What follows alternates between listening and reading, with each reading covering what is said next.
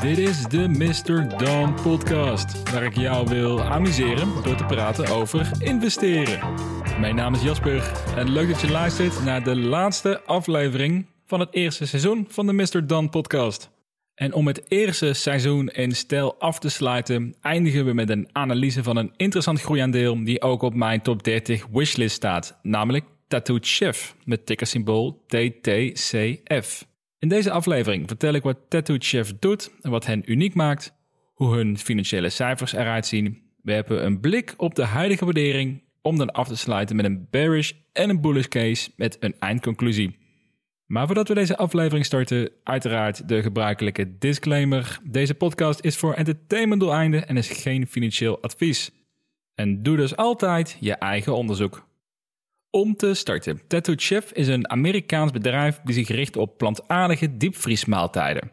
Zijn aanbod is vrij divers. Ze hebben plantaardige pizza's met een bloemkoolbodem, plantaardige burgers tot zelfs smoothie bowls. Dus zowel voor ontbijt, lunch als avondeten hebben zij je gecoverd. De producten worden in Italië gemaakt en daarna in Amerika verspreid naar de grotere winkelketen waar zij een distributiecontract mee hebben, zoals bijvoorbeeld een Costco, Target en een Walmart. En een groeiend deel van hun omzet komt ook uit producten die vanuit hun eigen merk worden verkocht. Maar ze bieden ook producten aan op white label basis aan de grotere supermarkten. Dus wat onder naam van hun huismerk bijvoorbeeld wordt verkocht. Al wordt dat steeds minder omdat ze echt een bouw zijn aan hun eigen merk. Het bedrijf bestaat officieel sinds 2017 en ze zijn sinds 2020 via een spec merger op de Amerikaanse beurs genoteerd. En de markt van de plantaardige voeding die groeit als kool. Met een jaarlijks gemiddelde samengestelde groei van 11,9% groeit deze industrie naar verwachting naar een waarde van 74,2 miljard in 2027. Al dus onderzoek van Research and Markets. En hiermee staat het in de onderste regionen van de segmenten in mijn wishlist. Maar gaat het hier wel nog steeds om een behoorlijke groei, waar Tattoo Chef natuurlijk op meevaart. En ik kan mij voorstellen dat als je denkt aan plantaardige diepvriesmaaltijden, dat je nou niet bepaald direct honger begint te krijgen. Mijn eerste reactie was dan ook om reviews te zoeken over hun producten. En dat was eigenlijk ook meteen het startpunt van mijn interesse in dit bedrijf, omdat de reviews uiterst positief zijn, met praktisch allemaal 4 tot 5 sterren reviews op de website van de grotere winkelketens. En dat verbaasde mij wel, omdat diepvriesmaaltijden vooral gezien worden als een praktische optie, ja, niet bepaald iets wat je doet voor de smaak. En bij een fast-moving consumer goods merk zoals een Tattoo Chef is de kwaliteit van de producten uiteraard doorslaggevend. Ook omdat er steeds meer plantaardige voeding op de markt komt. En tegelijkertijd hebben zij ook niet de marketingbudgetten van bijvoorbeeld een Kraft Heinz of een Nestlé ja, om direct een categorie te domineren door een mega advertentiebudgetten er tegenaan te gooien.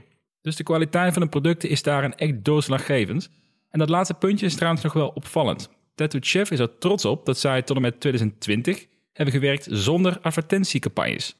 Pas sinds dit jaar zetten ze wat kleinschaligere campagnes op om de merkbekendheid te verhogen.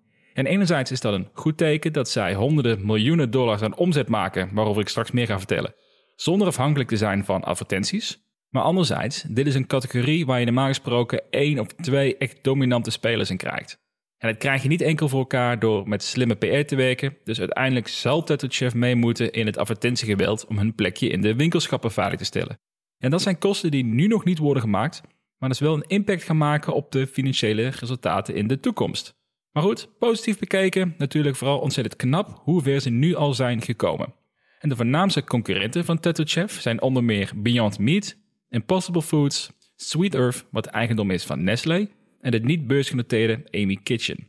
Waarbij wel gezegd moet worden dat de eerste twee bedrijven die ik net noemde zich meer richten op het ontwikkelen van een nieuw soort plantaardig kweekvlees, waar veel meer innovatie en technologie bij komt kijken, waarbij Tattoo Chef zich eigenlijk primair gewoon richt op het aanbieden van diepvriesmaaltijden. Ik verwacht dat in de nabije toekomst ook meer traditionele spelers deze markt zullen betreden, zoals Nestlé dat al heeft gedaan met Sweet Earth. Het is een groeimarkt en de trend wijst uit naar meer plantaardig eten, dus het ligt voor de hand dat de concurrentie ook zal gaan toenemen. En als we dan een blik werpen op de financiële cijfers en de groei van Tattoo Chef, dan zien we dat ze het goed doen als je kijkt dus naar de waardering van de producten. Maar ja goed, de cijfers die geven uiteindelijk een objectieve constatering hoe het bedrijf presteert. Om te starten met de omzetcijfers. In het jaar 2020 hebben zij een omzet gerealiseerd van 84,6 miljoen dollar. En dat was ruim vier keer meer dan het jaar ervoor. En ook in het huidige jaar wordt een flinke groei verwacht, namelijk een omzet van circa 240 miljoen dollar. Die verwachting is tijdens hun recente kwartaalupdate in mei opnieuw uitgesproken, dus daar mogen we ook van uitgaan. En dat zou opnieuw een stijging van drie keer de huidige omzet betekenen, year over year bekeken. Ja, dat is ook precies wat je mag verwachten van een groeiaandeel, die ook al zodanig wordt gewaardeerd. en ze verwachten de komende jaren flink te blijven groeien in zowel omzet als het bijhorende netto marges die ze eraan overhouden. Ze hebben namelijk een doelstelling om in 2026, dus over vijf jaar, een omzet te realiseren van 1 miljard dollar met een EBITDA-marge van meer dan 20%.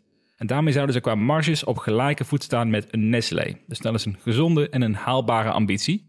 En een omzetstijging van ruim vier keer in de komende vijf jaar is uitdagend. En daar zullen ze ook echt wereldwijd afzetkanaal voor moeten gaan creëren om dat te kunnen bereiken. Maar het is niet onmogelijk. En ik zal straks in de waardering berekenen wat dat zou betekenen voor de koers. Zijdelings is een positieve ontwikkeling gaande dat de producten die onder een eigen merknaam verkocht worden, en dus niet white label door supermarkten, dat daar de meeste groei in zit. Dus dat betekent een paar dingen.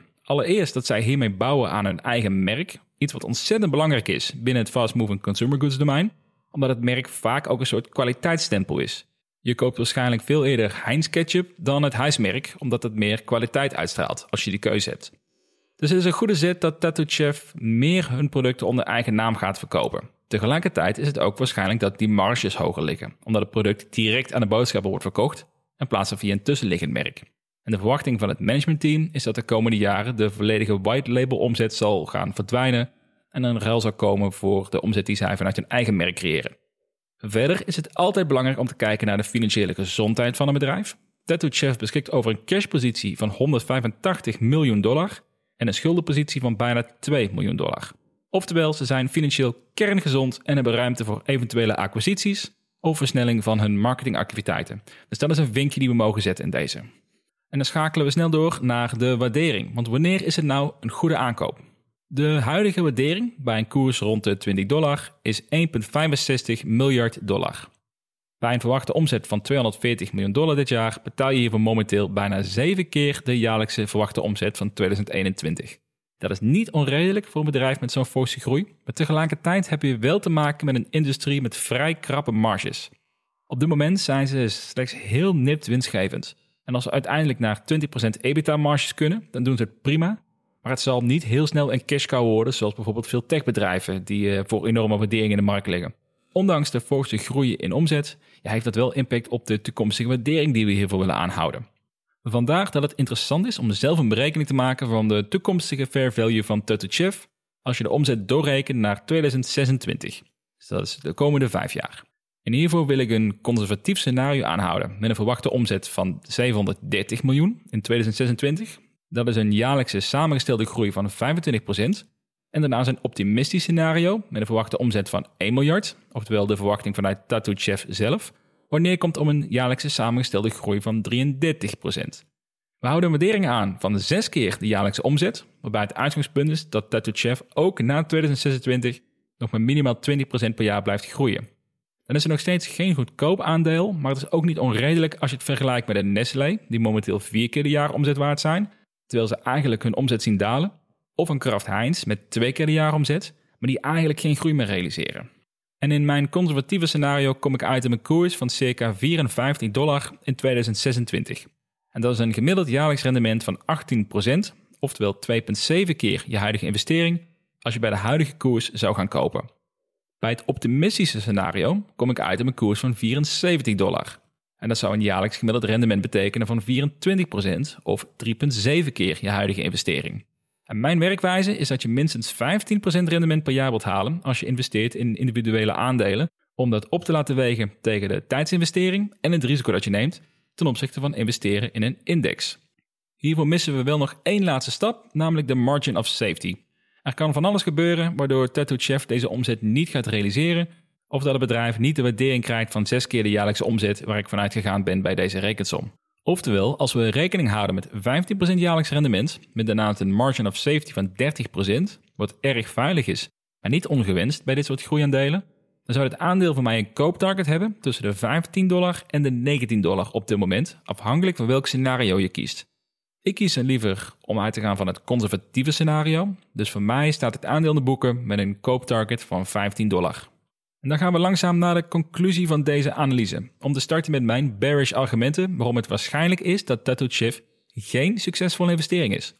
Allereerst hebben we te maken met een uiterst competitieve sector. Het hangt vast aan lage marges en je behaalt massa door een goede plek te krijgen in de schappen bij de grote supermarkten. Daar is schaal voor nodig, zowel in vraag als in aanbod. En Tattoo Chef zal internationaal moeten gaan uitbreiden als richting de 1 miljard dollar omzet in 2026 willen. Ja, dat is een behoorlijke uitdaging, gezien de marketingactiviteiten die dan nodig zullen zijn om die mate van vraag te creëren. En tegelijkertijd is plantaardig eten momenteel een trend. Ik vermoed dat die interesse zal blijven. Maar of die ook met 12% de komende jaren blijft groeien, dat is wel een inschatting die je zelf moet maken. Ja, om dat voor elkaar te krijgen zal er namelijk ontzettend veel werk verzet moeten worden. Want op dit moment is vlees en vis bijvoorbeeld nog steeds goedkoper dan de plantaardige varianten. Dus gezinnen en mensen met een lager inkomen, ja, die hebben praktisch niet eens de optie om veelal plantaardig te gaan eten. De prijzen zullen dus moeten gaan dalen. En daarmee komen de marges verder onder druk te staan. En daarna zullen ook weer nieuwe toetreders op de markt verschijnen die het lastig gaan maken voor Tattoo Chef om winkelruimte te krijgen. En vergis je niet, als Albert Heijn zou moeten kiezen tussen een contract met een Tattoo Chef of tussen de plantaardige producten van de vegetarische slager of van een grote partij zoals Nestlé, en dan kan Chef het hoogstwaarschijnlijk wel vergeten. Dus vergis je niet erin in hoe competitief deze sector is. Uiteraard zijn er ook redenen waarom Chef wel een steekinvestering is. De primaire redenen voor mij liggen in de combinatie van hoe hun producten gewaardeerd worden, gekoppeld aan de groei die zij al hebben doorgemaakt zonder marketingbudget. Als je zo'n organische groei kan realiseren en bijna 240 miljoen dollar aan omzet kan binnenhalen in een zwaar concurrerend landschap, ja, dan doe je echt iets goed. En als uiteindelijk de schaal bereikt wordt waarbij Tattoo Chef en alle grote winkelketens ligt in Amerika en tegelijkertijd er een marketingmachine aan zit, ja, dan zit er genoeg groei in het vat. Een omzet van 1 miljard in 2026 is optimistisch, ook omdat ze dus zullen moeten gaan verbreiden, vermoed ik, buiten Amerika. Maar het is niet onredelijk. En in dat geval is de koers momenteel een uitstekend instapmoment in een bedrijf die het gewoon uitstekend doet in een trendy industrie die de komende jaren sterk zal blijven groeien. Dus de conclusie is dat we weer te maken hebben met een interessant groeiaandeel die een sterke positie heeft gecreëerd in het plantaardige voedingdomein. En de afweging om te investeren hangt vast aan twee punten. Hoe sterk geloof jij in de verdere groei van plantaardige voeding in de westerse landen? En heb je ook het vertrouwen erin dat Tattoo Chef het voor elkaar krijgt om hun producten ook naar Europa te krijgen, met voldoende zichtbaarheid in de supermarkten, terwijl de concurrentie stijgt. Als jij daar vertrouwen in hebt, dan zou dit een interessant aandeel van jou kunnen zijn om jezelf verder in te verdiepen.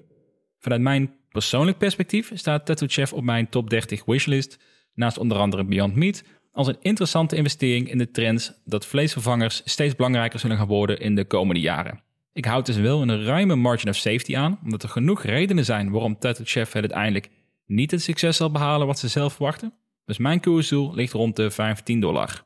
En als dat punt bereikt wordt, zal ik zeker overwegen om een positie te openen. Maar tot die tijd heb ik geen haast en zijn er genoeg andere aandelen in de markt om je zuurverdiende euro's in te investeren. En hiermee komt deze aflevering en het eerste seizoen van de Mr. Don podcast ten einde. Dank aan alle trouwe luisteraars en aan de donateurs. Het waren 40 gevarieerde afleveringen, waarbij ik verschillende formats en onderwerpen heb geprobeerd om een gevoel te krijgen wat voor type afleveringen jullie interessant vinden. Ik ga de komende weken aan de slag met het format voor het tweede seizoen. De startdatum van het nieuwe seizoen zal ik aankondigen op de website en de social kanalen, dus houd die in de gaten. En voor het tweede seizoen zou ik ook graag jullie feedback horen. Wat vonden jullie van het eerste seizoen? Wat vond je goed en wat kan er beter? En ook laat me ook weten in wat voor type onderwerpen jij interesse hebt. Laat het weten door een mail te sturen naar don.mrdon.nl of door een berichtje achter te laten op dit artikel via de mrdon.nl website of een berichtje via Twitter of Instagram met de naam mrdonnl. Voor nu bedankt voor het luisteren. Ik hoop dat je hebt vermaakt en iets hebt geleerd van het eerste seizoen. En graag tot het volgende seizoen.